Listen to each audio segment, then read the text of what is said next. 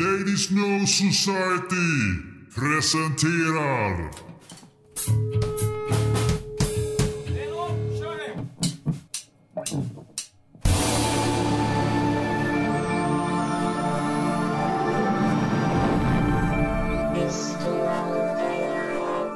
Nu är vi igång! We're off!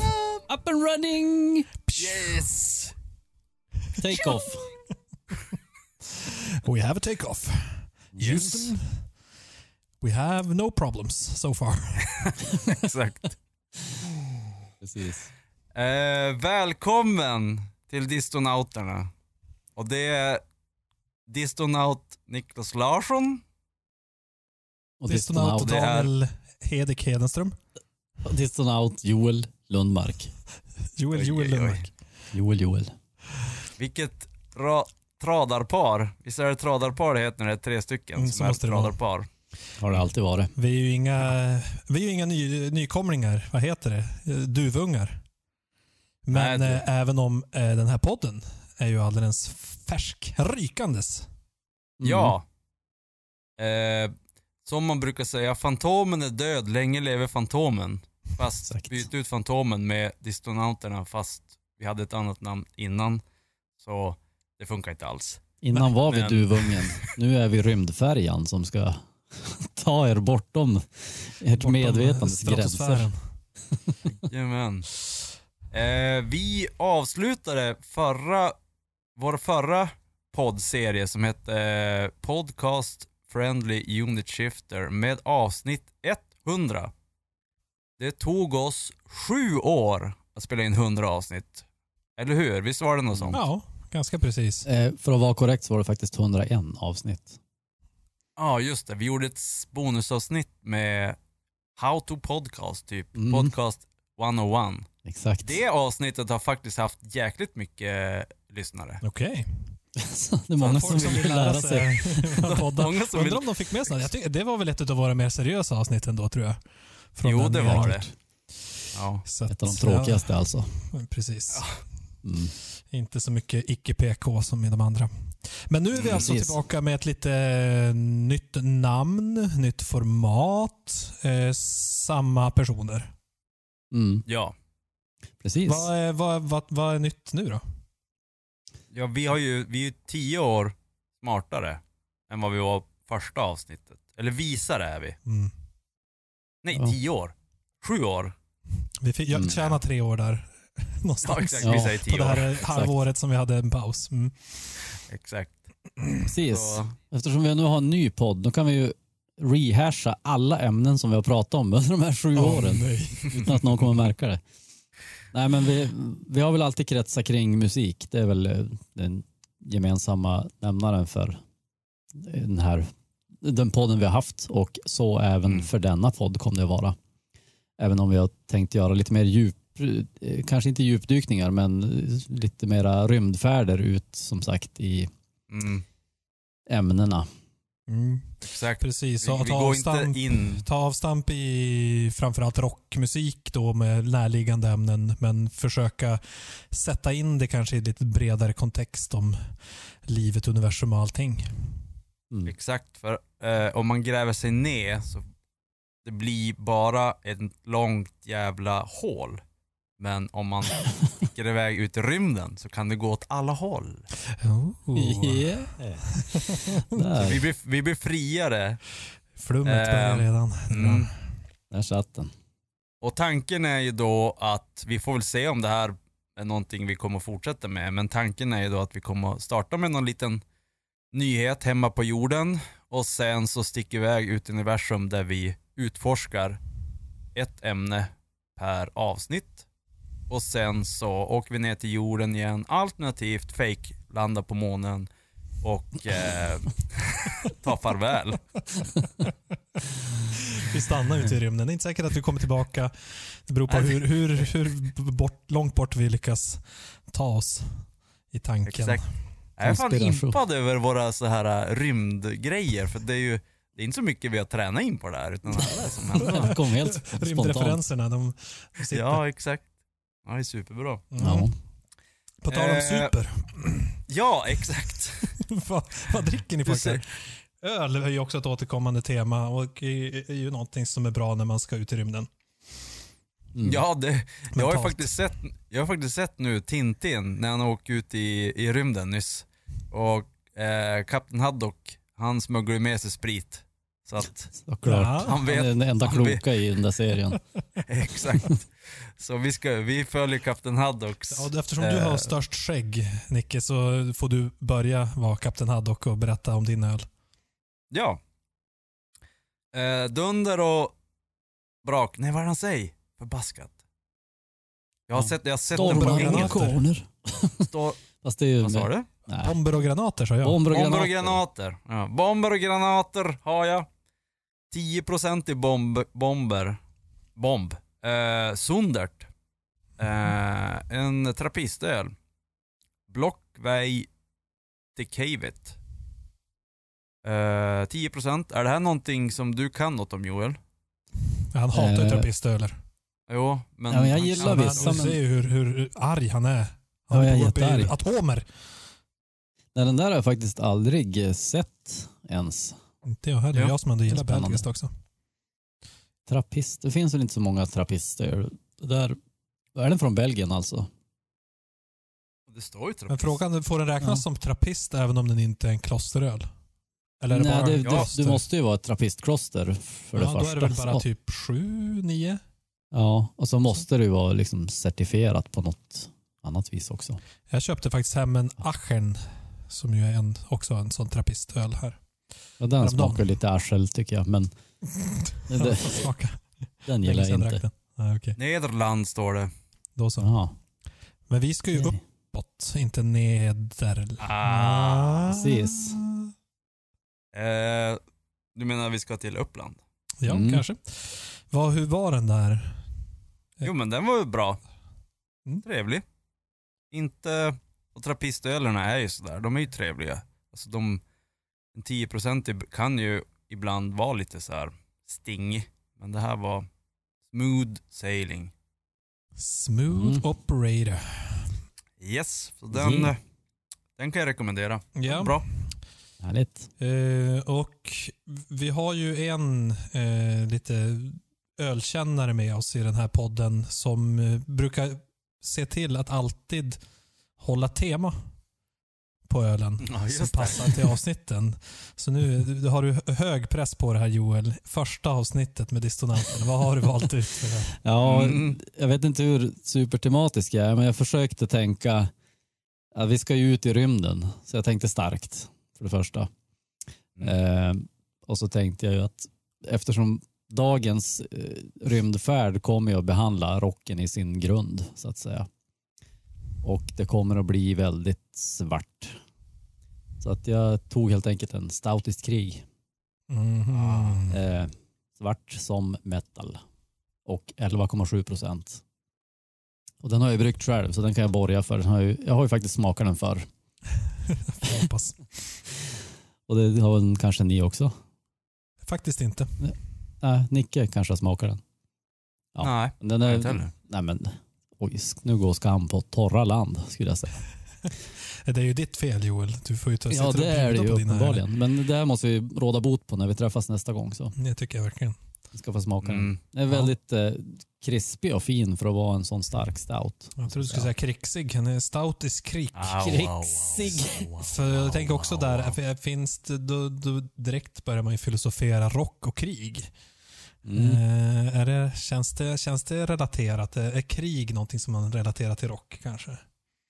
Vi kan komma Ja, att det- återkomma till det lite senare när vi ska gräva oss in i vad rock egentligen är. här. Precis, det kanske kommer Men dit. den- Men visst är det Stoutest krig är ju ändå att den, den är och, eh, vad heter flörta med svartmetall. Ja, ja, vi gjorde ju, etiketten är ju gjord som en eh, black metal split EP mellan oss och Bryggverket. För det är ju en, en Mm. collab som vi gjorde tillsammans med Bryggverket. Ska jag Med, är det rent att ni har, jag har inte sett den där burken tror jag. Nähä. Är det rent att ni har corpse paint? Ja, men självklart. Där har vi Jävlar Bryggverket. så nice. Och här kommer, ni får se, här har Ja, vi Skellefteå Bryggeris vackra pojkar. så ni sminkar och allting inför fotot? Nej. nu, nu måste jag avslöja hemligheter. Det, Det är bara en, en manipulerad bild. Ah, okej. Det hade varit underbart om vi hade gjort det. Mm. Ja, alltså någon gång, jag ska fan köra Corpse Paint någon gång och göra en musikvideo med det. Alltså jag, jag har tänkt på det i typ tio år. Jag vill göra Corpse Paint. Mm. Då har vi något att se fram emot. Det kanske får bli, Ja. i, i, vi måste göra ett dödsmetallavsnitt också. Mm. Jag ehm, tänkte att, eh, jag tänkte också mörkt eftersom eh, rock och metal eh, drar åt det mörka hållet och jag har hört att någon kanske kommer att prata lite grann om eh, de mörkare sidorna av rocken. Så min heter Dark Arts Hazelnut. Mm. Oh, Vart är jag? Där. inte en stout. Eh, ja, Surreal Stout också. Lite out Mm. there. Med choklad, hasselnöt och vanilj. Av Magic Rock Brewing. Och jag gillar innehållsförteckningen är Barley Hazelnut. Oj. Jag antar att det är för att man inte behöver eh, ange saker som är mindre än en viss andel av Ja, innehållsförteckningarna. man kan gå två vägar. Man kan skriva ut allt eller så kan man skriva att det innehåller och så någonting. Om det är, jo, det är för att det är eh, allergener. Mm. Ah, okej. Det är gluten och så är det väl Hasselnöt nötter. då. kan ju också vara... Mm. Ja. Men den var också smooth. Ganska Smooth kraftig, kraftig men ehm, mm, söt och smooth. Right. En annan person som inte är söt och smooth. Vad tyckte ni om den? ja. Segwayen. ja, ja. Varför inte? Varför inte? Gene Simmons. Åh, Mm. våran gamla favorit. Ja, han har vi pratat om tidigare i PFUS. Så att om ni skulle vilja ha lite mer historier om Gene Simmons så gå till podcast.se och lyssna där. Och podcast stavas med... K. Då fick vi med den också i första avsnittet. Jag vill minnas att Gene Simmons hamnade i en säck någonstans i något avsnitt. Jag tror Ja, också det. det, det tror jag. Det tror jag. Vad har han gjort nu då? Eh, han är ju då... eh, han är ju för det första han är ju businessman ut i fingerspetsarna. Mm. Och allting handlar om pengar för han. Eh, kanske musik kom på typ plats 10 eller någonting. Men pengar är 1 till 9. Jag är ganska säker. Eh, och han har ju nu hoppat in i bitcoin-världen. Som alla andra. Mm. Det är ju de nya moderna pengarna, så han vill ju åt de pengarna Ja, också. det Det, räcker inte. Mm. Det räcker inte. Först hade han ju några prasselpengar, han tog alla dem och sen skulle han ha alla digitala pengar, de som satt på banken och nu ska han ha de superdigitala. Ja. Eh, och då, eh, och det heter ju krypt, det heter inte bitcoin. Bitcoin är en av de här krypto, Valutorna. valutorna. Mm. yes. Eh, men då finns det en som heter Dogecoin, fast det stavar D-O-G-E coin. Dogecoin eller någonting. Dog, Mm. brukar man. Dog. Just Mm. Dog det- coin. Det är roligt att det börjar ju som ett skämt, men jag tror att det är riktiga pengar nu. Alltså en riktiga som kryptopengar. Jag, eh, fun, fun fact, sidohistoria. Jag har mina Dogecoins. Ja, ah, det gör Alltså. det. mitt, mitt gamla, min gamla speldator satt, fick stå igång på nätterna och mina Dogecoins. Men Mm, det, ja, det. de, de blev hackade så jag tappade bort dem. Ja. Jo. Ja, Det var säkert Oh. Simmons. Det var säkert, ja, det var säkert Simmons ja, det som var gjorde det också. jäveln. Men jag såg att kursen Eh. var fortfarande bara på så här typ 0,07 dollar per Dogecoin så jag tror inte att jag tappade så mycket. Inte som att jag hade tappat Nej. bort alla mina bitcoin, det hade varit jobbigare. Och då, Mm. och då var det lika bra att flytta till skogen. Jo. Eh, men i alla fall, nu har han utropat sig till God of Doig. Nej, vad var det? Vad Doge. heter det? Dogecoin. Och Mm. eh, av det lilla jag känner Gene Simmons så tror jag inte att det är med glimten i ögat han säger det här. Eller vad tror ni? Nej.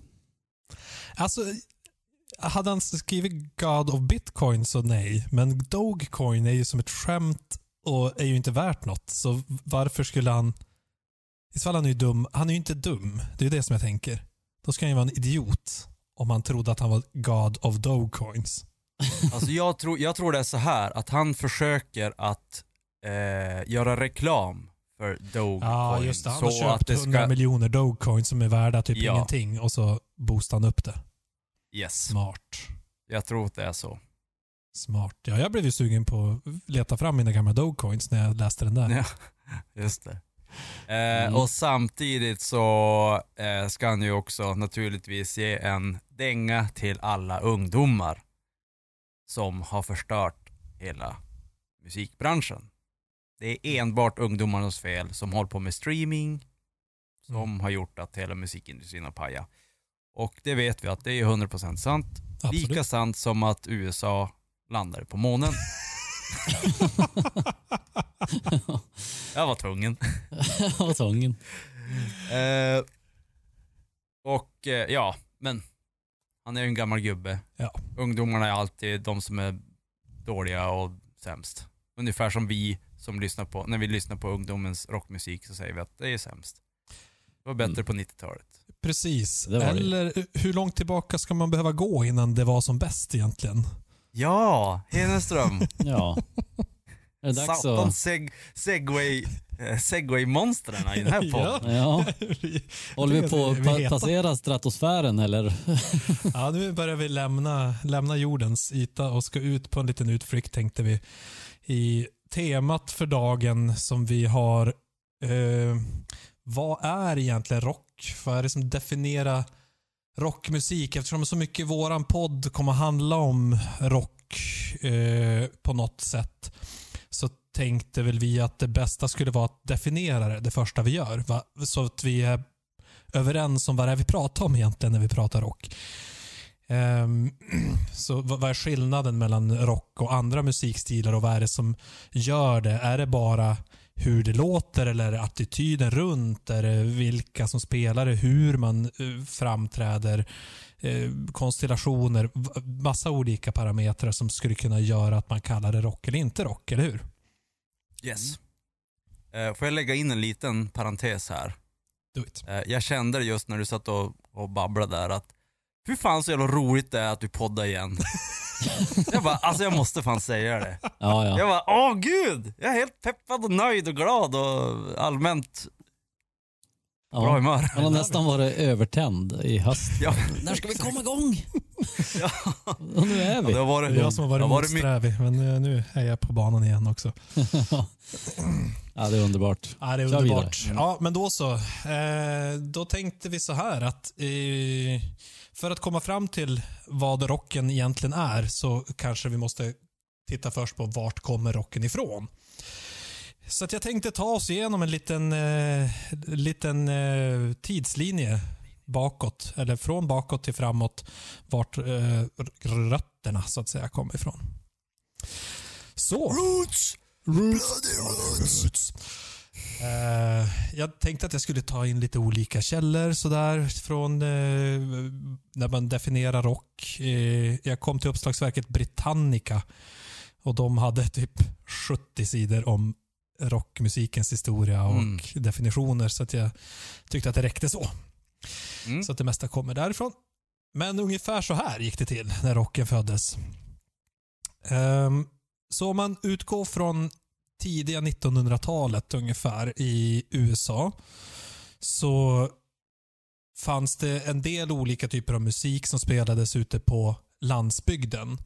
Eh, och Det var bland annat folkmusik, country, blues, gospel eh, och lite annat som, som var typisk landsorts bonnamusik som, som man spelade. Och Det var små familjebusinesses, eh, eh, åkte runt och spelade och eh, uppträdde.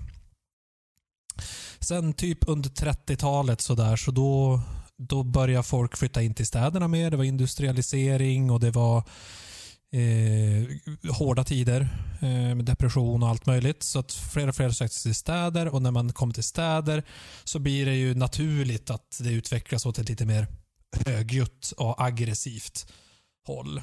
Så att då börjar man eh, dra upp volymen på, eh, eller man börjar, vad heter det, micka upp eh, Mm. olika instrument och framförallt då gitarrerna mer och mer. Så att det skulle bli lite hårdare och högre. För då börjar det ju dra lite mer folk också. Då måste man överrösta eh, folket på arenorna eller på spelställena. Jo, och sen om det blir mer människor, desto större lokal blir det desto mer. Att alla ska höra så måste man ju då. Precis, då, då måste man Mm. göra något. Då kan man inte bara ha eh, akustiskt längre. Så att eh, då utvecklas ju också då en liten mischmasch av de här tidigare eh, stilarna som fanns, musikstilarna, så som kallas rhythm and blues och honky tonk. Som var där på 30-40-talet. Och då, det var fortfarande mest folk som åkte runt och spelade live. Visst är det så här att rhythm and blues är svart musik och honky tonk är vit musik? Oh, det, så mycket vet jag inte, men vi säger att det är så. Ja, Det vara därför vi vitingar kallas för honkies som ett Exakt. sorts eh, skällsord. Mm. ja, jag är 90% säker på det här. Men det som var intressant är att ju genom eh, radion då så blev ju kanske det här med segregeringen lite mindre viktig. Hörde du något på radio som du tyckte var bra så kanske du inte ens visste att det var svarta musiker som spelade här. Så att den här eh, rhythm and blues var oftast ganska energisk, lite humoristisk. Så det här var, eh, alltså vita tonåringar tyckte att det här var the shit. Så att de, de eh, fick reda på det här via radion då och började verkligen uppskatta det. Och Samtidigt så börjar ju ungdomar där på 40-50-talet eh, ha kapital. De kunde ju eh, köpa skivor och de kunde gå på konserter och sådär. Så att det vart ju en viktig del i att liksom marknadsföra sig och hitta då musik för, för musikbolagen så där som de vita unga kidsen gillade. Ja, det var ju då ungdomskulturen föddes. Eh, det fanns ju ingen ungdomskultur innan det här. Nej, Utan det var, du var barn och sen började du jobba. Precis, och där på 50-talet så bör, fanns det ju en ungdomskultur. Och det där, eh, ja som sagt, hittar ju då skivbolagen och radiostationerna. Så eh, ja, de, de eh, ville ju då förstås eh, hitta något som passade dem. Och det är väl lättare kanske att personifiera sig med en vit artist än en svart artist. Så de blev ju eld och lågor när de då hittade Elvis Presley som lät Mm. som en svart sångare men var vit. Så att då, då exploderade den, här Snygg han ljudet. också. Ja, såklart.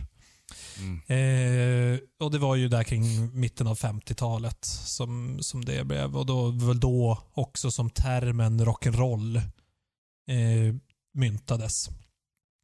Mm. En liten parentes där. Har ni testat käka Elvis macka med, med jordnötssmör, jag tror det är jordnötssmör, banan och bacon. Och så steker man den. Nej, Jag aldrig gillar provat. inte jordnötssmör men Ah. Du utesluter ur podden. Ja, en ska bort. En ska bort. Eh, jag kan starkt rekommendera den. Jag har testat den, jag måste göra det igen. Det var jättelänge sedan, men jag minns att den var god. Ja, alltså bacon och jordnötssmör. Det- Aldrig provat Alltså, kombo, banan- men, men det låter Ja ju men, ändå alltså bra. ban- ja men banan och jordnötssmör, har du testat det? Alltså ta bara en banan, käka det och så tar du en sked Ja, med jordnötssmör. jo, höger, ja. jag vänster. känner att vi börjar Absolut. komma från ämnet här. Jordnötssmörspodden! Banan! Banan kan ju se lite grann som ett rymdskepp. Så att Var det en sån Elvis Ja. hade i byxorna när han dans shakea så här? Mm, Är du bara glad eller har du en jordnötssmörsmacka i brallan? Exakt. Det rinner någonting efter benet här. Vad har har du i fickan fram och jordnötssmör bak. Är Är det en jordnötssmörsmacka? Med Tillbaka banan? till historien. 50-talet var eh, guld och gröna skogar. Eh, rock'n'rollen föddes. Eh, alla var glada. Bill Haley, ehm, eh, Elvis Presley, eh, vad hette han då? Ricky Morty höll jag på att säga. Eh, alla möjliga. Rick and Morty. Rick and Morty. Ja. Eh, sen så på, då ville de ju bygga vidare på det här eh, under 60-talet och börja eh, mixa in mer och mer andra saker. Så Beach Boys, då var det lite gospel, eller lite så här a cappella-kör. Barbershop. Motown, lite mer svart eh, blues. Eh, Supremes, lite poppigare. Men eh, ja, började väl, ledde som ingen vart riktigt. Tills då förstås Beatles kom och Mm. liksom satte på något vis stämpeln för att det här är rock. eh, rock'n'roll. Där början, mitten av 60-talet någonstans. Eh, men de tillsammans med många andra mot slutet av 60-talet så blev det ju lite mer hippie. Så att det blev lite flummigare sådär. Eh, och det var Woodstock och allting. Eh, men sen så kom ju Jimi, Jimi Hendrix var ju på något vis kanske den första riktiga så här som personifierar rock'n'roll-guden på något vis. Där den här ensamma artisten tuff och cool och jävligt duktig tekniskt och samtidigt liksom något av en poet. Eller vad, Och, vad säger eh, du? Att det, Ja, eh, Mm. och det han gjorde mycket var ju att han spelade gitarr som ingen, ingen annan har gjort. Jag har hört historier, man ser dokumentärer, så har de ju sagt att Jimi Hendrix kom och så bara, någon som tror att de är duktiga, eller såhär, ja men jag är bra på gitarr, och så ser de Jimi Hendrix och bara, va? Kan man göra så där med en gitarr? Vad är det som händer? Det var som att det var en utomjording som kom och började spela gitarr. Och det han gjorde också, han slog ju sönder gitarrer, han brände upp gitarrer. Så att han, han ju, använde ju också som en show, ungefär som det Nirvana gjorde, slog sönder gitarrer på 90-talet Mm. och sånt. Det gjorde Jimi Hendrix redan back in the days. Back in the day. Mm. Ja, precis. Så det blev ju på något vis, han blev ju på något vis så här urkulten till rockstjärnan som togs med sen in i 70-talet då alla skulle vara, vara som Jimi Hendrix typ. Man skulle leva i dekadens och det skulle, du vet, knarkas och slå sönder grejer och leva, leva rövare, liksom rock'n'roll-livet. Eh, men Och det lever ju, det lever ju det fortfarande lever ju fortfarande kvar. kvar. Ja. Eh, och där någonstans så, så börjar rocken ta två olika uttryck. Eh, och som kanske framförallt blev tydligt på 80-talet, men det började redan på 70. Eh, dels då, eh, om, om man tänker de två sidorna av den här dekadensen, så är det ju, det, det ena är ju eh, på något vis den här ja, men det dekadenta, bara eh, råa, liksom drogerna och vad ska man säga, leva på baksidan. Men det andra är ju också superstjärnestatusen. Som var. Och de där två började dra ifrån. Så de som ville vara superstjärnor, de började bli mer och mer extravaganta. Ville spelas på radio, stora skivkontrakt, arenor. Och sen så fanns det motståndsrörelser, eller de som ville liksom köra den här do it yourself-stilen. Eh, som då framförallt med punken som kom för, från, eller från England. Men även andra som mer liksom garage och metal och allt det där. Så det blev två, två sidor av rocken och det där tycker jag att man kan liksom se än idag. Eller i alla Mm. fall långt in på 80-90-talet så var det ju liksom, ja men det fanns glamrock sen på 80-talet som ju var något helt annat än eh, punken. Och sen Mm. så kom liksom hårdrocken och pudelrocken och sen så då kom ju grungen som någon slags motreaktion mot det. Så det har ju varit de här två de dua- dualistiska sidan av rocken på något vis ända sedan Mm. dess. Som jag känner än idag är lite grann sådär det rock eh, blir svårdefinierat just på grund av det. Att det ska vara det här eh, do it yourself, att man har eh, att- det ska vara något musikaliskt geni eller en grupp som har gjort det från grunden. Men samtidigt så ska det vara så bombastiskt som man spelar det på arenor. Eh, Mm. Och det där är lite svårt att, att få ihop. För blir du tillräckligt stor, då, då är det Foo Fighters och då är du sellout och så Ja, tappar den där du sellout-grejen var ju extremt stor på 90-talet också. Vad tänkte du då? Sellout-grejen var extremt stor på 90-talet. Att Sellout som i... Att folk alltså- var sellouts eller att man pratar om Nej, att vara sellout? prata om att sellout, alltså om man kollar på mycket inom punk, punkgrejen, skatepunk och NoFX och allting de där. De, de, när, man prat, när de pratar nu, de sa att det var så extremt jättejobbigt på 90-talet att direkt någon fick ett skivkontrakt som inte var typ något litet skitbolag, då var det sellout direkt och ingen ville lyssna på dem längre. Mm, just det. Alltså det var extremt, du ska vara äkta, det, eh, det kommer ju från punken. Alltså Mm. även om, om man kan, ja ja, NoFX eh, och Lägvägen och alla de där skatepunkarna på 90-talet, att de, det är många som säger det är inte punk, det är inte punk, men det kommer ju från punken. punken har ju den där do it yourself, att det ska, det ska inte vara något jäkla stort bolag, det ska inte vara så mycket pengar, det ska vara skitigt, det ska vara hjärta, det ska inte vara pengar, ska inte vara där. Och direkt det börjar bli pengar, då blir det också så, när, när skatepunken och allt det blev populärt och, och de banden sk- faktiskt kunde få bra skivkontrakt och börja tjäna pengar och kunna typ leva på att spela musik, då var det många av de som, är, som hade lyssnat på dem i två, tre album. Bara, ah, sell out, nej, jag vill inte lyssna på er. Mm. Men, och det är som så här, jag, jag var ju själv så. Men Men det känns ju, som att det där har eh, lagt ner sig lite grann va? Jo. Eh, Jo, de har- de sen sä- 2000-talet så känns det som att det inte är lika stor grej att vara en sellout eller att eh, vara, ha, vara framgångsrik rockartist. Nej, det, det säger de att när man, i dokumentären också där, när de säger det, berättar om 90-talet, då säger de att det är så mycket bättre nu. Mm. Det är, den där stämpeln har som halvt försvunnit. Mm. Det är inte, det är inte Det är väl de viktigt. allra mest extrema fansen kanske fortfarande resonerar finns- så. Ja, det, det finns alltid sådana. Mm. Så Mm. det är ju bra. Mm.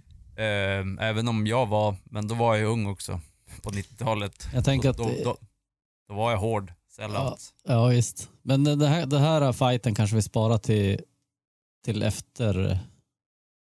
Vi, vi, vi fightas i ringen sen, efter, Jo. efter Hedik har berättat klart sin tidslinje här. Ja, men tidslinjen är i princip klar. Jag, jag tänker att Ja. sen så kommer vi fram till 90, eller liksom efter 90-talet, 2000-talet. Då tycker jag att det börjar bli lite mindre intressant. Så det här är mer liksom bakgrunden, vart rocken kom ifrån och vart den tog vägen på något vis. Eh, bara så att vi har, har lite grann eh, grunden var, vart det är. Jag har förstås kapat väldigt hårt i det här, men Ja, ja. en väldigt eh, sammanfattande. Men, men jag, jag, jag fundar, funderar också på det där. Undrar om det är bara för att man är gammal eller någonting, men typ fram till 2000, som du säger, då hände det extremt mycket. Det kom nya genrer hela tiden. Men efter 2000 har det hänt egentligen så mycket inom rock. Inte inom rock. Det, ja, det, det var ju i början av 2000 skulle jag säga att det hände ganska mycket. Då var det ju mycket den här, och vad kallas det då? Nu- Nu, nu metal. metal. Ja, Nu precis. metal, ja. Det crossover med lite rap-grejer och så kom ju ganska mycket inom de lite hårdare metal-genrerna känns det som att det fick ett lite lyft. Men Mm. eh, sen dess vet det fan. Eller så har man bara tappat kontakten. Men det känns som Men att jag, rock är inte så hippt nu. Så att det, det händer inte så mycket där. och då säger man så här, allt är redan gjort. Och så sen nästa år så kom det någonting helt nytt rock. Man bara, what the fuck? Exakt. Mm. Eh, Ja, men det var väl ändå, så- rocken var väl ändå som bredast och störst på 80-talet. Ja, Alltså som, som genre, som egen genre så. Med en massa Definitivt. undergenrer såklart. Men det är ju intressant att ändå rocken har överlevt så länge. För det är säkert en massa genrer som har kommit och gått eh, under åren. Och, och även när det har gått ner för rocken så har det ändå, liksom, ändå alltid kommit igen. Mm. Får jag, får jag dra en liknelse? Som jag tänkte på det här med alla genrer och sånt idag. Mm. Eh, om du tänker katolicismen, kyrkan, eh, det var rhythm and blues. Mm. Sen kom Elvis och han var Luther. Mhm. Det var han som, som sa att nej, ni ska inte bestämma hur musik ska vara. Jag, jag tar det till världen, bla bla bla. Och efter det, alla subgenrer blev protestantistiska, olika kyrkor. Alla genrer är en egen kyrka för att om du säger så här, jag gillar nu metal, bara, alltså om man är ung då. Jag gillar bara nu metal, alla annan är bara skit. Eller jag gillar bara hårdrock, jag gillar bara min kyrka, allt Mm. annat är dåligt. Punk, punk är värdelöst. Hårdrockare hatar ju punk, det är det värsta de vet. Fast det Iron Och där, Maiden. då, kom ju, då kom ju Sex Pistols som eh, Jehovas vittnen där och, och, och bröt av lite grann. Det skulle vara roligt om man hade typ olika genrer och så kopplar man det till olika protestantiska kyrkor. ja. Ja, jag, gillar, jag gillar liknelsen där. Den haltar lite i början tycker jag dock. För eh, Det känns som att Elvis är lite resultatet av eh, Okej. skivindustrin. Det är inte han som har så här, "Ja, Okej, nu så ska jag El- prata direkt till folket. Som Luther. Elvis, okej Elvis Mm. är, okej Elvis är eh, katoli, katolska kyrkan, men vem är då Martin, Martin Luther som, som gör att du själv får skapa dina subgenrer av rock. Men det måste ju Det vara måste- nästan... Ja, i och för sig. Det måste vara Be- Beatles. Beatles är Det ju är mer Beatles. pop Det är tänkte jag, men Beatles. Det är Beatles. Det måste vara Beatles. För Beatles, en eh, viktig sak med Beatles, det är att det var det första bandet som skrev sin egen musik och spelade sin egen musik. Beat, nej, eh, Elvis skrev ju inte musik, han framförde musik. Mm. Det var Beatles som egentligen skapade det vi idag anser vara ett rockband. Precis. Ja. För Exakt. att ett rockband skriver sin egen musik. Och Ja, det var säkert där som vi fick det. Eh, eller, jag spekulera, men att det är just Nej, för det att är så. Beatles gjorde så som man tänker att det ska vara så. Ja. Just det. Det är, jag har sett Om- många dokumentärer som säger samma sak. Så att du, Om jag du är då, korrekt eh, Hedenström. Om jag då får, får ta över lite grann, if I may, eh, då tänker jag gå tillbaka till den riktigt gamla abrahamitiska judendomen. Rent eh, li, liknelsemässigt här. Eh, jag tänkte gräva ännu djupare i rockmusikens rötter Oj, oj, och specifikt då den amerikanska rocken kanske. Det är väl, den har väl satt sin tydliga prägel på rocklandskapet såklart. Men Eh, kanske kan, vi, ännu kan, mer... vi, Vad sa du? kan vi ta en liten break där? Eh, för det, vissa grejer, alltså USA är ju extremt, eller ja, USA säger vi. USA och Amerika är ju extremt eh, ett, ett nytt land. Mm. Eh, och vissa ehm, konstformer kommer ju från USA, Mm. rakt av. Och rockmusik måste ju vara någon, det kommer ju rakt av från USA. Det är ju Jo. en amerikansk konstform. Det är lite så man, man känner att det, det är Ja. där det Det börjar. är ganska liksom. tydligt i min historia också att det är liksom Ja. eh, det är först på 60-talet som ens Europa är med i matchen. Mm, Mm. Precis. Ja. Nej men som sagt, eh, jag tänkte, jag tänkte mm, sväva åt ett annat håll här ute i universum. Eh, Eller inte ett annat håll, men ett, ett längre håll. Och eh, även då specifikt kanske också varför, varför stilen eller varför rockmusik har blivit så förknippad med revolt och att utmana etablissemanget och så vidare. Mm, spännande. Eh, och man kan ju där då spåra rötterna som du sa tidigare i din, ditt resonemang här att eh, blues, gospel, jazz, rock'n'roll, allt det här kan man spåra till en viss historisk tidpunkt faktiskt, nämligen år 1619 när de första 20 slavarna anlände till Virginia. Mhm. Mm. Eh, åtminstone om man får tro de som spekulerar i detta. Eh, där startar ju, om man får säga så, ett mörkt kapitel i den amerikanska historien eh, med slaveriet och Mm. alla dess efterverkningar. Mörkt på flera sätt. Ja, precis. Det blev ju en, ja, en färgning på många sätt, ja. Precis. Eh, det, Sådana där, såna där skämt kan ni inte dra. I första, i, första, I första avsnittet. Alla kommer att ropa rasistpodd och så vi, här. vi, vi är Om ingen du inte hade sagt något så hade det där flugit under radarn. Nej, Det Ah, tror jag okej. inte. Det tror jag inte. Men vi, vi ska inte flyga under någon radar, vi ska flyga långt över den. Ja, exakt. Ja. Eh, Det var ju så här att de, jag har läst på nu ska ni veta. Oj, oj. De, de eh, så att säga professionella, om man nu kan säga så, musikerna ifrån Västafrika de kallades för grioler har jag översatt det här till. Jag har läst the grioles, grioles på engelska. Mm. Så jag översatte det till grioler. det lät bra för då Det- tänkte jag att man kan koppla det till kreolerna. Jag tänker också Ja, det. exakt. Det, Ja. Men det är ju franskt. Kan det vara så att de eh, åkte till Frankrike också, de där? Det var massa... Eller så var det så att det kanske var från någon fransk koloni de såldes så att säga, de första Ah, slavarna. Ja, ja så är Kanske. det naturligtvis. Ja, Eh, deras musik som, som de skapade så att säga, den var ju väldigt liksom marinerad i magiska ritualer och voodoo. Mm. Eh, och eh, vad ska man säga, deras funktion var ju att liksom föra vidare stammens myter och historier. Och konsten som de höll på med var ju väldigt förknippad med magi och helande och och sådana saker. Som på, på så sätt hade de ju väldigt många likheter med sydamerikanska shamaner till exempel. Och, och sånt, att de, de var som medicinmännen nästan. Så musiken var ju en del av det här helandet och liksom, Mm. ja, som sagt historieberättande och allting var ju samman, sammanlänkat. Så. Så är det ju i nästan alla gamla kulturer så är ju musik eh, en del av ritualerna. Precis, och även då i judendomen som jag drog som liknelse här. Så det är ju väldigt tydligt det där med ton, toner som någon sorts helande grej. Liksom. Och, Eh. eh, om jag får lägga in en, också en parentes där, det här med musik. Eh, någonting som, eh, och det här kan man ju dra direkt till kyrkan, när du sitter och sjunger psalmer.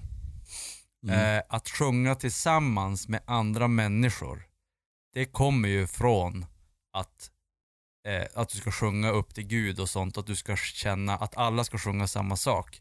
Vi, när vi Mm. går i kyrkan och sitter och sjunger psalm, det är inte riktigt så det ska funka, utan det ska ju Nej. vara som en, eh, att, och det, det här är ju massa kulturer, att just den här körsången är sång till Gud. Mm. Ja, eller att man känner samhörighet i alla fall. Ja, Precis, jo, samvibrerande liksom. eller Gud, men alltså till den Gud som i den kulturen. Mm. Exakt. Eh, jo, i alla fall när de här då, vad ska man kalla dem för, medicinmännen, shamanerna och så vidare importerades till Amerika.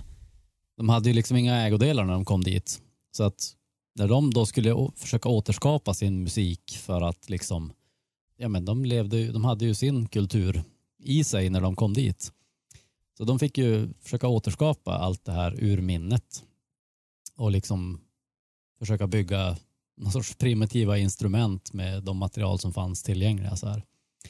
Eh, bl- bland annat så är banjon är någon sorts replika av något gammalt afrikanskt instrument. Okej. Mm.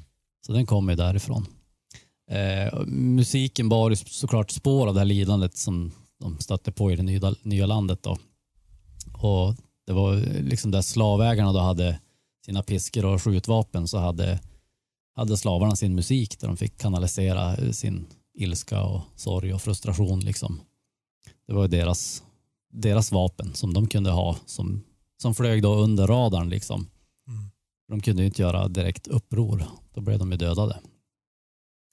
Eh, och den här musiken fann, som du sa Nicke, det här med kyrkorna, den fann ju som ett hem både på torgen och i kyrkorna och i fängelserna. Liksom, ja, platser där människor i misär kunde samlas på något sätt. Eh, det var väl, ja, vad ska man säga, som sagt, det var ju så den här folkmusiken växte fram med bluesen och allting som ja, vi har etablerat är ju ändå grunden för rockmusik. Mm. Mm. Eh, men jag tänkte vi skulle hoppa 300 år framåt bara. Lite sådär snabbt. Hoppa över. Precis, och då börjar vi komma ikapp din tidslinje. Just det. Men eh, då utvecklades ju bland annat en bluesstil som kallas för Delta Blues, eh, döpt efter Mississippi-deltat och liksom där, där de musikerna höll, höll till. Och där utvecklar man en speciell sång eller vokaliststil liksom som var ja, som förde vidare den här traditionen med att bygga på voodoo incantations, vad heter det? Alltså liksom att man lyckades implementera voodon i den sångstilen helt enkelt. Mm. Eh, och Robert Johnson är ju den mest Mm. kända, kända Delta Blues-killen. Och den här klassiska historien om hur han sålde sin själ till djävulen vid The Crossroads, den, den har ju de flesta säkert hört. Att, eh, ja, jag behöver inte gå in på den specifikt, men eh, i hans... vem tro- Vem tror ni...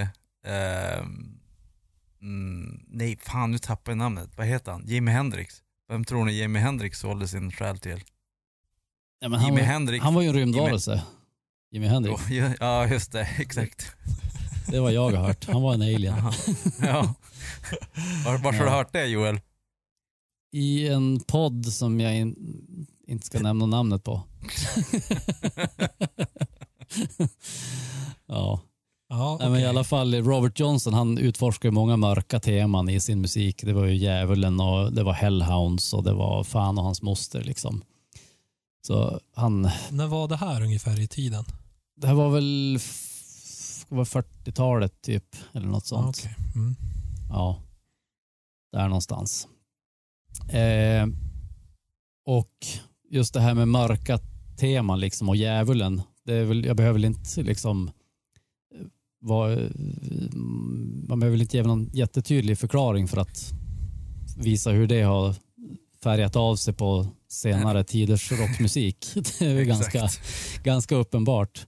Men det var ju faktiskt så att eh, redan 60-talet, Jim Morrison, han var väl den första troligtvis eh, musikern som på något sätt i, vad ska man säga, vit musik då eh, införde eller eh, rent utav påtalade det här att jäv, eller eh, inte djävulen här, men att liksom publiken är stammen så att säga runt lägerelden Mm. och musikern är shamanen liksom. Mm. Och att man, man skapar tillsammans någon sorts sån här masspsykos. Och liksom att man, man drev ut, eller vad, vad han sa var väl att liksom man, man, genom musiken så driver man ut demoner och väcker andar och så vidare. Okej, och då Mm, pratar vi om det är han- The Doors. The Doors, Yes. ja precis. Och man kan ju då argumentera för att både slavarna och Morrison lyckades väldigt bra med just den grejen. Exakt, och det där om man, om man eh, tittar på, man kan ju kolla på The Doors-filmen. Eh, om man inte vill kolla på dokumentärer. Men han dansar ju och det är väldigt mycket, i The Doors-filmen så är det väldigt mycket indian-tema, shamangrejer, dansa och Mm, så här. Oh, wow, precis. wow, wow, wow. Dock, Typ är det ju, dock är det ju då nordamerikanska indianer i Jo, Det är, Det är det ingen så koppling till, till eh, vad ska man Slavarna. säga? Till slavarna så. Mm. Men det är nej, ju, just den om, om, man ser, där. om, man, om man har det minsta lilla intresse av liksom, stamkulturer och sånt så kan man ju ändå för- se lik, likheterna mellan amerikanska indianer och afrikanska stammar liksom, och shamaner och medicinmän och så vidare. Mm. Det är ju ganska samma funktion så. Jo, det känns som att det har varit återkommande i de flesta eh, urkulturer. Precis. Sen var ju inte Jim Morrison sen på att käka meskalin heller. Nej, men precis. Nej, men då går vi åt Sydamerika-hållet istället. Ja, just det. Jo. Ja. Exakt. Jag vet inte vad de hade i Afrika, det har jag faktiskt inte hittat i någon text. Men de, Ja, Bogain, eller vad heter den? I Båga, tror jag. Iboga. Iboga. ja, just det. Där kan- kunde ni som rinnande vatten hör jag. Jag är påläst. Eh, sen, eh, precis, eh, om, om man då ser musiker som har kommit efter det som har, vad ska man säga, dabblat i det mystiska och det ockulta. Så det finns ju, ja, listan kan ju göras otroligt lång, men, men eh, det fanns ju en, en eh, snubben som egentligen la grunden för det som eh, kallas för modern eller svart magi, typ Alistair Crowley. Han har influerat jättemycket rockmusik. Okej, spännande. Mm. Ja, alltså med sina, med, eller han, han skapar ju det som han kallar för magic med CK. Mm. Mm. eh, Och för att särskilja det från annan magi då. Eh, och Och då var det lite mörkare magi på något vis. ja, det var väl kanske lite mera individbaserad magi så. Alltså att den här magin kan hjälpa dig. Inte kanske som äldre Mm. tiders magi som var mera kanske kollektivt inriktade. Så. Mm. Okej. Men eh, hur som, eh, Jimmy Page, Led Zeppelin, han eh, var ju väldigt fascinerad av Crowleys eh, böcker Mm. och det märks ju väldigt tydligt i musiken. Och, och även symboliken från såklart, ja, men pentagram och sånt där har ju dykt upp i otaliga, eh, otaliga loggor och skivomslag och så vidare. Mm. Sen eh, Glenn Danzig, han hade faktiskt, eh, hans första band hette Samhain.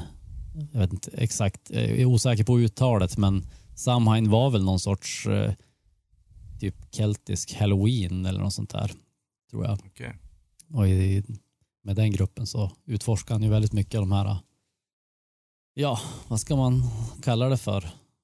Ja, men det var ju väldigt nära kopplat till voodoo. Så. Att Den här röda tråden finns ju kvar liksom. Men när jag detta. tänker voodoo och pentagram och allt det där, jag tänker ju ändå på att man utforskar lite grann de mörkare sidorna av mänskligheten då, eller? Precis, och det är ju det, men det är ju precis som jag gick igenom här med sla, slav ursprunget, liksom, att de hade ju sin musik för att få ut de mörka grejerna. Liksom. Det är allt, sina mörka Eh, upplevelser. Ja, exakt. Och jag tänker att det har blivit vänt där på något sätt efter tiden. Att de försökte få ut dem medan rockmusiken på, i nyare modern försöker få in det.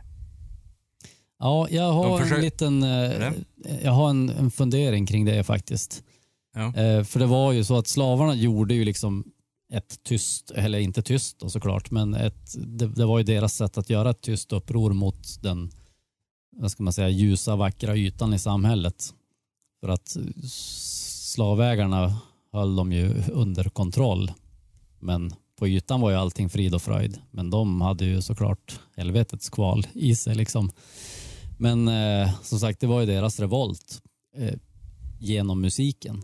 Och det är precis som kids har gjort ända sedan eh, modern rock kom till. De, man har lyssnat på rock för att göra någon sorts indirekt revolt kanske mot sina föräldrar.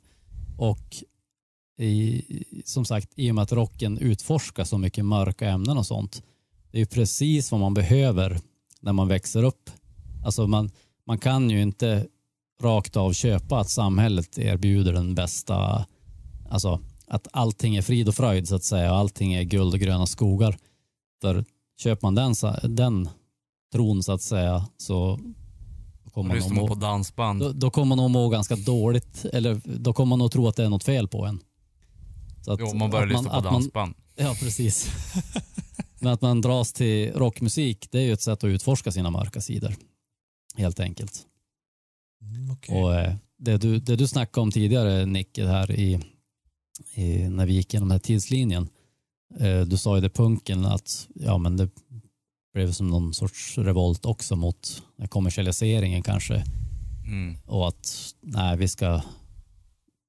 Alltså, de kanske såg att det var något i rockmusikens kärna som höll på att gå förlorat. När Mm. man börjar kommersialisera, för då börjar det handla om någonting annat än det här mörkret Exakt. som man Yes. ville utforska. Som man ändå utforskar på ett, ett helande sätt, så att säga. Som ju rockmusik verkligen kan vara. Mm. Det som jag skulle vilja ta fasta på lite grann där också, det är om man tar Aleister Crowley-referensen där, att det är väldigt individanpassat. Skulle man kunna säga då att rocken också är individualistisk snarare än kollektiv? Jo, det, jag, jag, tror ju, jag tror att det har att göra med just det där att man, att man får leva ut sina egna mörka sidor. Att man, man, man hittar någon som faktiskt sjunger om det här som jag känner just nu. Och då, I och med det så blir det ju en, en individuell upplevelse. Men vad ska man säga? Att man kan ändå göra det tillsammans med andra som har samma upplevelse. Men jag tror att det, i och med att det har sin grund i rockmusiken talar ju väldigt mycket till just unga människor som håller på att hitta sig själva. Och då är man ju i yngre tonåren när man gör det. Och därför kanske det blir lätt att det blir en väldigt individuell upplevelse i det där kollektiva Mm. ändå. Och där, därför tror jag också att det har blivit så förknippat just med liksom, svart magi, vad man kallar det. liksom. Ja, men det är väl någon slags eh, frigörelseaspekt till det hela. Att jag, jag vill slå mig fri från samhällets bojor på något vis, eller överheten. Mm. Ja, Precis. okej. Ja, men jag, Jag, vet, jag har skådat igenom den här glättiga ytan. Jag vet att den är en lögn. Ja. Nu jävlar. Det här bandet där- säger ju det. Ja, men, men däremot så tror jag att eh, Okej, du slår dig fri från en sorts grupp, alltså det normala samhället och så letar du andra grupper av andra liknande personer. Så jag tror att det blir en, individ, indiv, en individualistisk resa till ett nytt, till en ny tribe. Ja, ja, så absolut. Det är ju äh, det är så alltid så. Vi söker ju alltid en tillhörighet någonstans. Ja, precis. Så det är nog inte unikt för rocken. Nej. Nej, och däremot, då, då tror jag att Alistair Crowley kanske är inkörsporten till din nya grupp, till din nya tribe. Ja. För att ingen, alltså individualismen, individen klarar sig aldrig utan gruppen. Nej, precis. Att, Men det var också, också det jag ville komma till lite grann för eh, när, vi, när du gjorde din liknelse Nicke. Men du, du sa någonting om att, eh, eh, vad var det du sa? Att eh, det börjat förändras. Det här med att man, eh, Jo, eh, att eh, de som var som slavar eh, spelar musik för att få ur djävulen, eller djävulen, men för att få ut det onda bort från en. Men däremot som till exempel Marilyn Manson och alla sådana grejer, det är ju att de nästan så att de tar in djävulen i sig själv. precis. Och där, det är ju, Mm. jag, jag, jag tänker ju, det var det jag skulle säga exakt. hade bara inte komma dit. Men det är det jag tänker att kommersialiseringen har gjort. Att Mm. den har gjort att folk då tror att jaha, för att bli stora så måste vi göra det här. Liksom, då, måste vi, då måste vi ta till oss de här attributen och de här symbolerna och sjunga om sådana här saker. För då kommer vi också bli stora.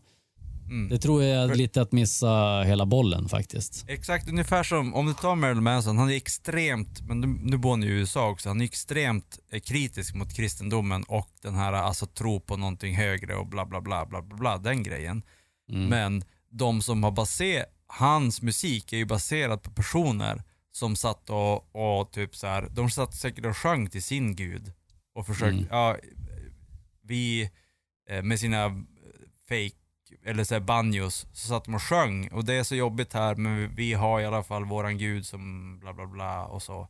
Men att Manson har ju typ helt missat the point egentligen. Ja, Mm. men kanske då. Eller i alla fall missat arvet av den musik han Ja, spelar. Jo, alltså när det börjar handla mer om ytan än om, eh, än om innehållet nästan.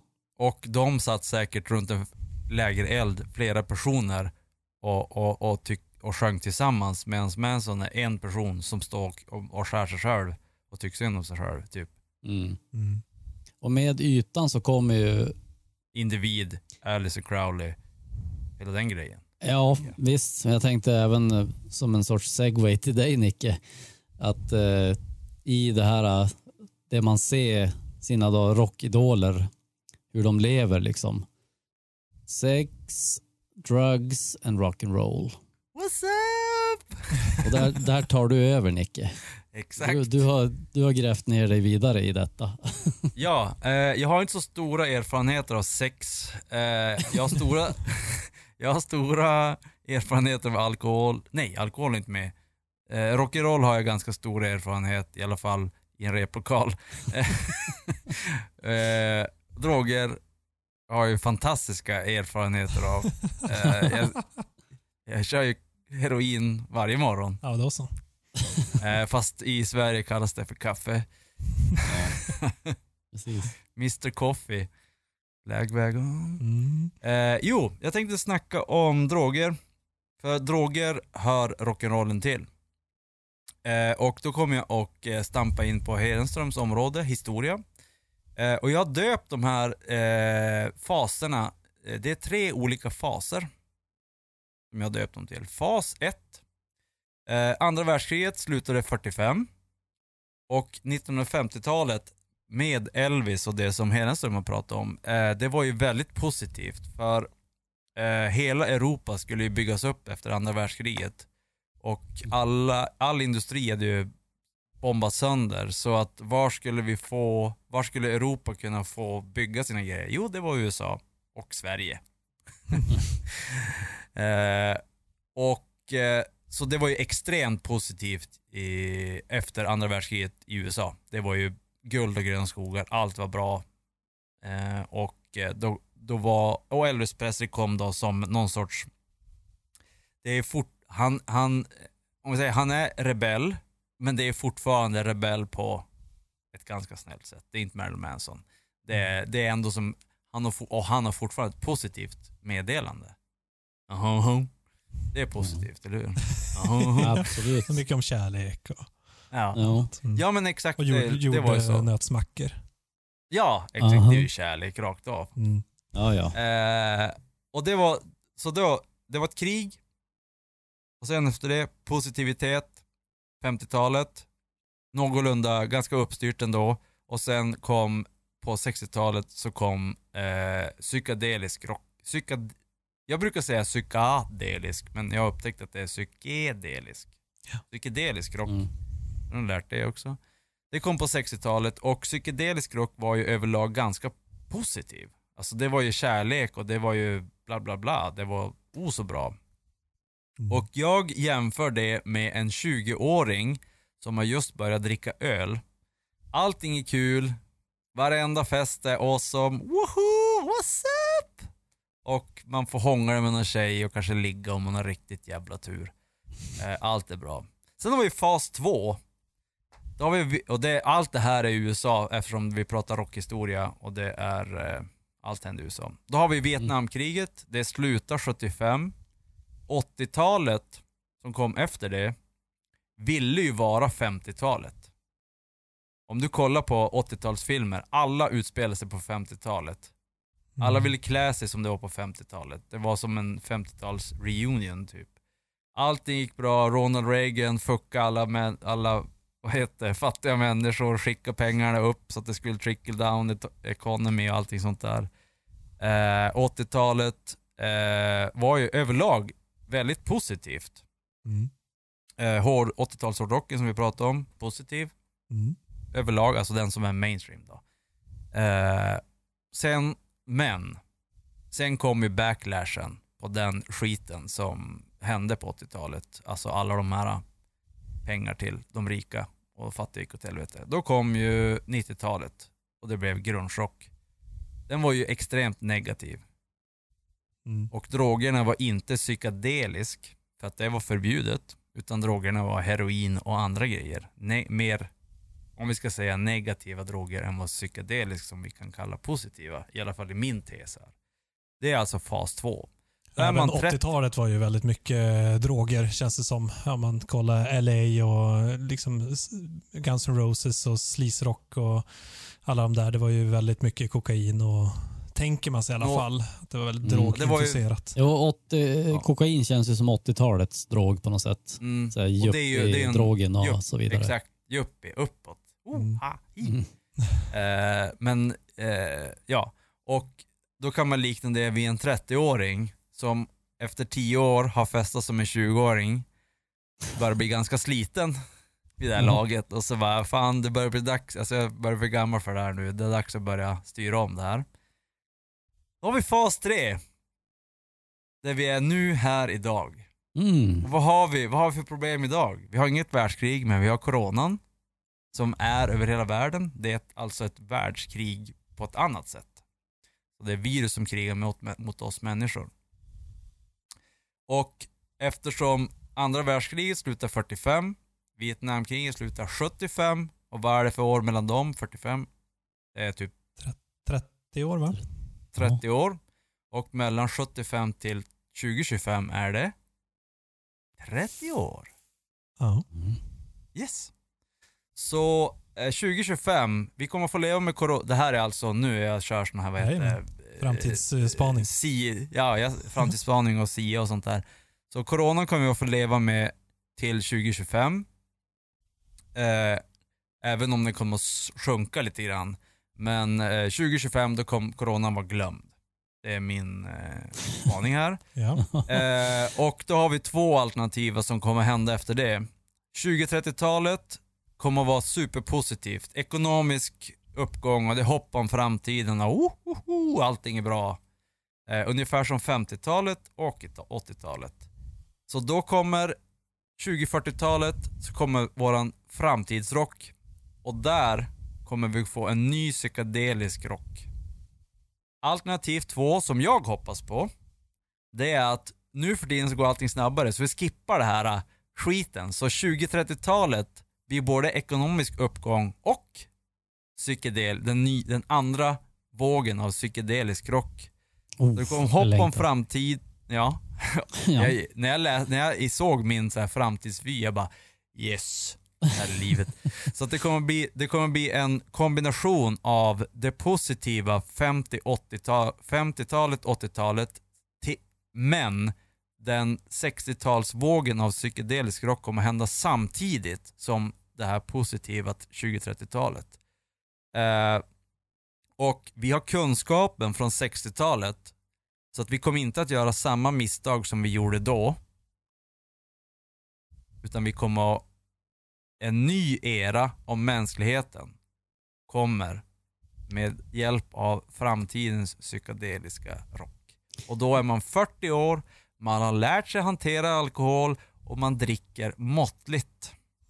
Det är min, det var min tes. Precis, och då tänker jag att där, eh, när den här nya vågen då kommer, som vi ännu inte har sett, om det blir det här utopin som du beskriver, då är det ju just för att man har lärt sig att okej, Sivert och Öholm hade fel. Rock var inte djävulen och livsfarligt. Och så har man lärt sig att psykedelika var inte livsfarligt. Och så integrerar man alla de här sakerna som man nu har insett att jaha, vi kanske ska släppa in det här Mm, mör- som, vi, som vi tyckte var mörkret. exakt. Och kanske inte vara rädda för mörkret överlag. Nej. Och vi kanske ska Embrace skapa något darkness. nytt. Vi kanske ska skapa en, eh, en värld som är en union av ljust och mörkt. Som, utan att man behöver strida med varandra hela tiden. Exakt. Och det är det som de här texterna i den här nya psykedeliska rocken kommer att handla om då alltså. Ja, det är också, eh, om man säger, eh, om man ska dra liknelserna tillbaka till 40-talet så var ju andra världskriget, eh, startade ju 40 då, med nolla. Eh, s- 39. ja, 39, okej. Eh, Men vi säger, hade du en bättre grej? Ja, men det, att det pågå, pågick i fem år då. Och Ja, med extrem polarisering. Det blir ju inte mer polariserat än vad världen var under andra världskriget tror jag. Där hela Mm. världens länder var på ena eller andra sidan mot varandra. Så väldigt, väldigt polariserat som då sen när det eh, slutade så insåg man att vi måste börja ena oss. Man skapade FN eh, och man eh, hittade kulturella uttryck som kunde ena. Det tog i och för sig ett tag för det känns som att det var inte först på 60-talet som man verkligen hade anammat det där och levde, försökte då få till någon slags peace and love och att all, alla var ett och det där. Eh, Mm. Men man kan också se det idag. Eh, jag, jag kanske inte ser det lika tydligt i din mellanlandning där på 70-talet. Eh, men att det går lite grann mot det här.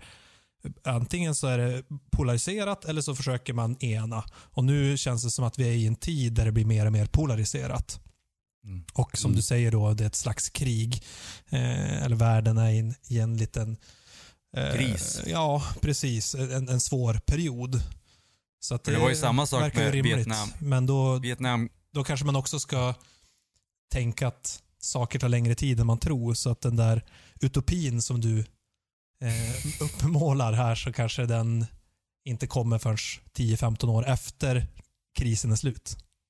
så du tänk, du tänk på mitt alternativ ett att 20-30-talet kommer att vara uppåt. Det blir ett åt- 50-80-tal men däremot 20-40-talet, det är då det kommer att hända. Ja, men exakt.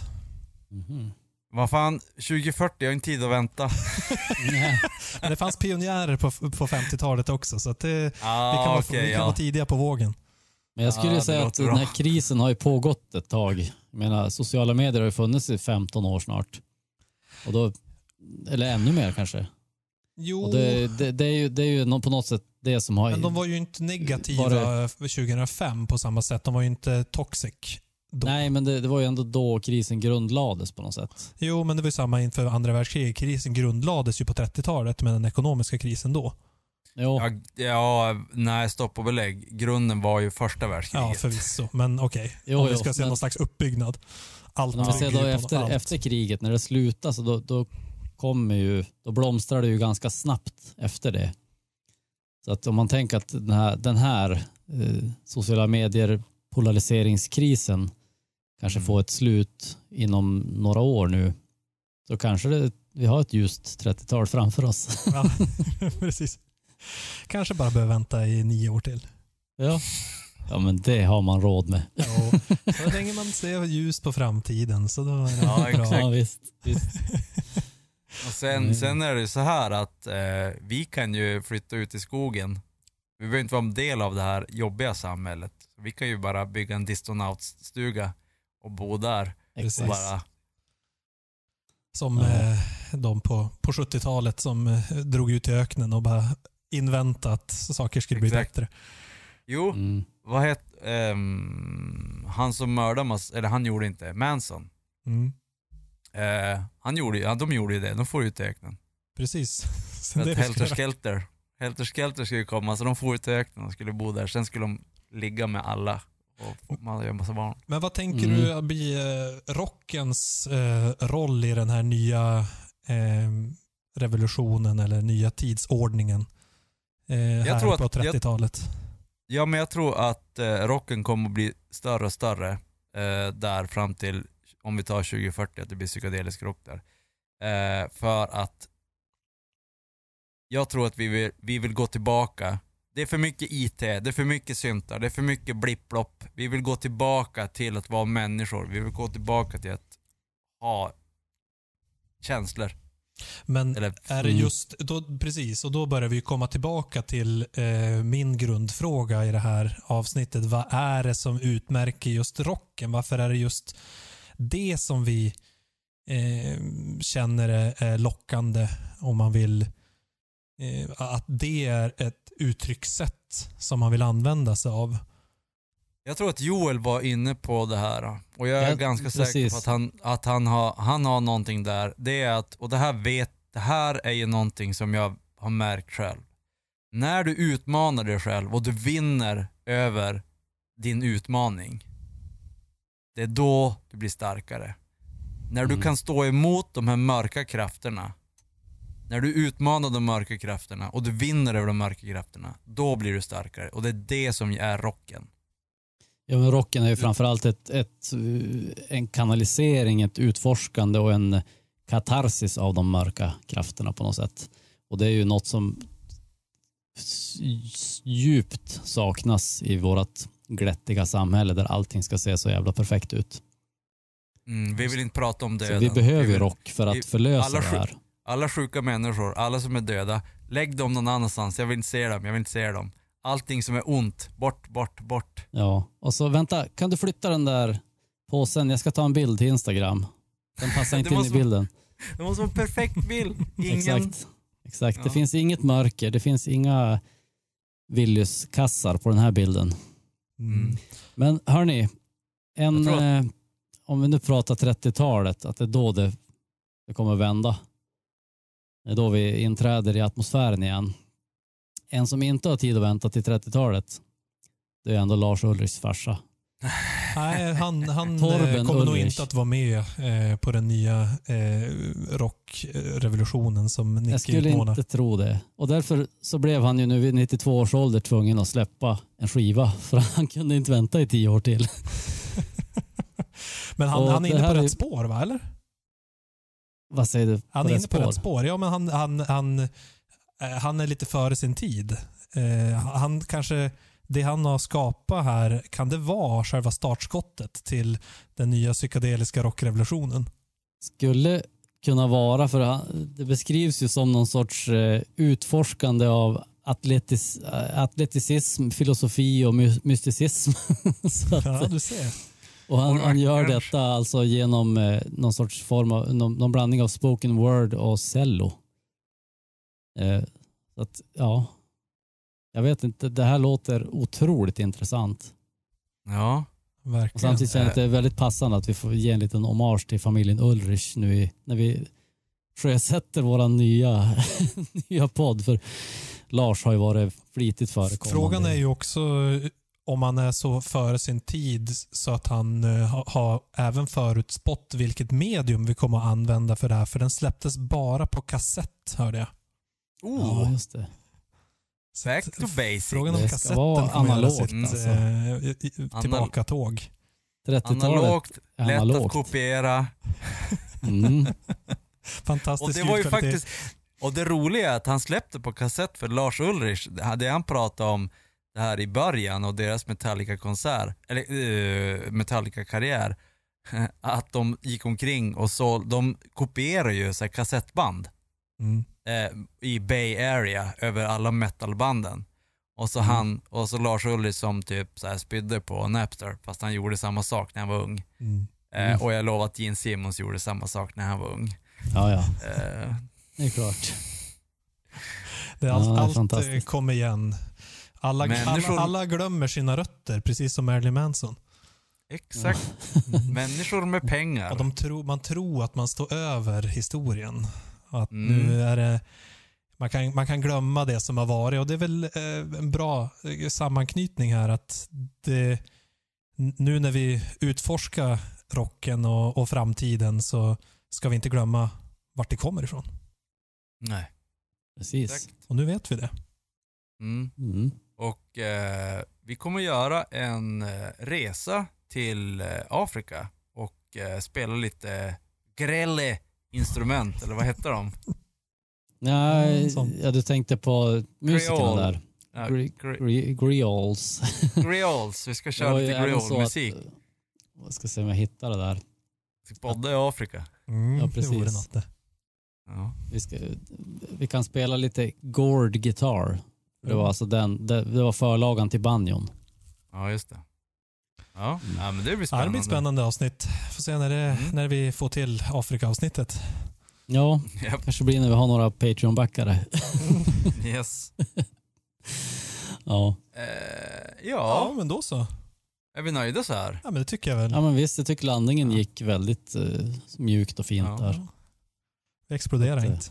Det här var ju extremt eh, informativt och seriöst avsnitt. Det är nästan så att vi måste lägga till något helvete här i slutet för att få ner oss på marken. Nej, men det är bra, vi lockar in alla med så här, jaha men de här de verkar pålästa och eh, kunna saker. Det är faktabaserat och Mm. eh, duktigt Precis. och ordentligt. Ah, att Stackars, lura människor. Det är djävulens... Åh, så bra det är! Nu Ja. har vi dem på kroken! Vänta, glömde jag trycka på stopp här. Satan! Ja. Nej, jag, orkar inte tänka ut något mer. Sånt där. Jag, jag, jag varit så sugen på en jordnötssmörsmacka med banan nu så. Oh! och bacon. Ja, Har du ja. alla ing- ingredienser hemma? Jag vet inte. men alltså... Men alltså det att, Men...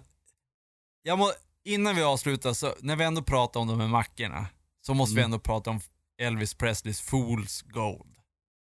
Vet ni vad det är för någonting? Nej. Nej, Alltså herregud do grabbar. tell. Ja. Fool's gold, ja du hör ju. Det är inte något en smart människa äter eller dricker.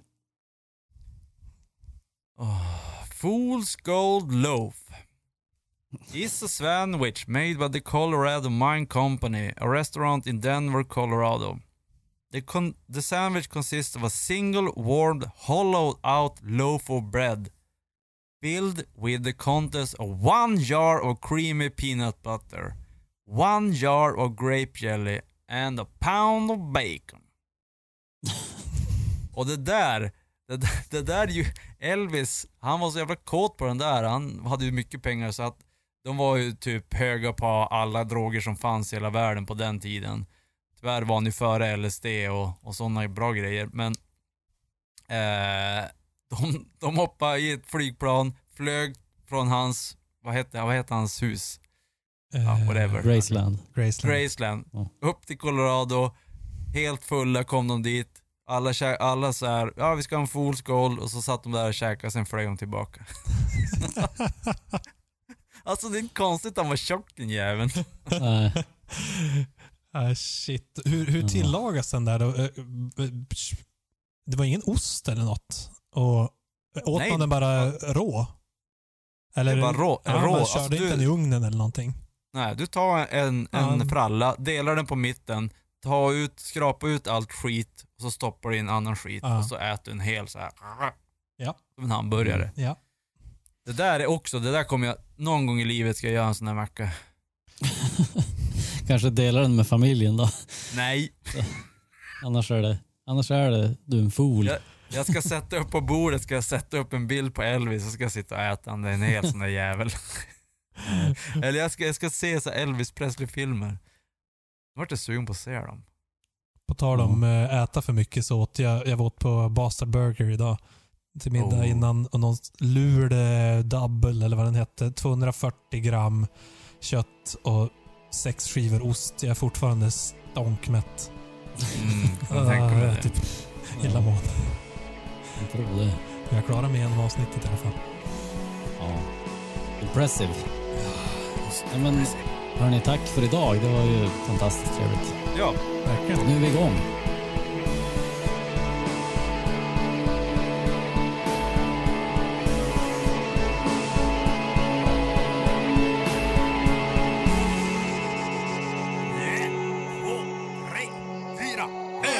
Två, tre, fyra. jag såg så helt förskräckt ut. Han har aldrig gjort det här för. Det där, är inte med rörelserna. Det är Extra. Ja. Eh, mycket att tänka på nu. Det är både rörelser och inräkning och mikrofoner och allt skit alltså. Mm, Mm.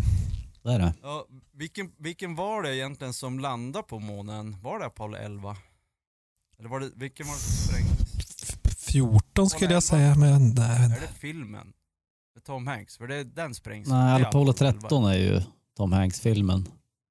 Alltså Men- döpte de Apollo, tog de faktiskt med nummer 13? Det känns... Och den sprängdes. Det hade Men var det inte. Challenger som sprängdes?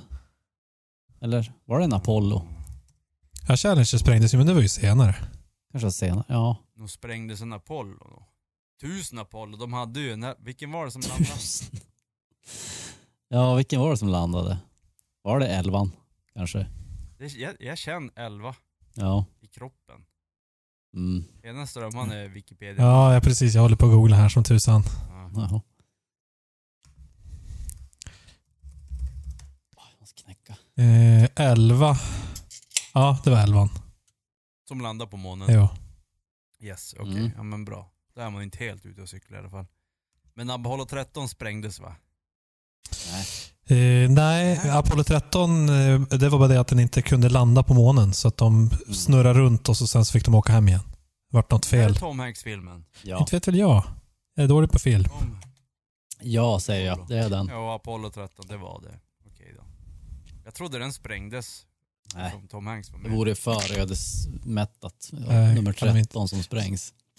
Ja, Plus att de exakt. ska inte göra en film om det. Det är för vill de bara glömma bort i amerikansk historia. Sprängdes något? Nej, nej, nej. Nej, nej. Aldrig hänt. Plus att vi har ju faktiskt landat på månen. Aha. Mm. In your face. Det här de tvistade olärde. Exakt. Börja med konspirationsteorierna innan första avsnittet är igång. Ja. Nu är vi igång. Det, här, det här kanske blir någon sorts bonusmaterial. Ja. just det, vi har inte pratat om... Ska vi skita, vi skiter i att lägga det här, ba, eller eftertext, efter... Ja. Eller är det något vi vill ha kvar? Bonusmaterialsgrejen.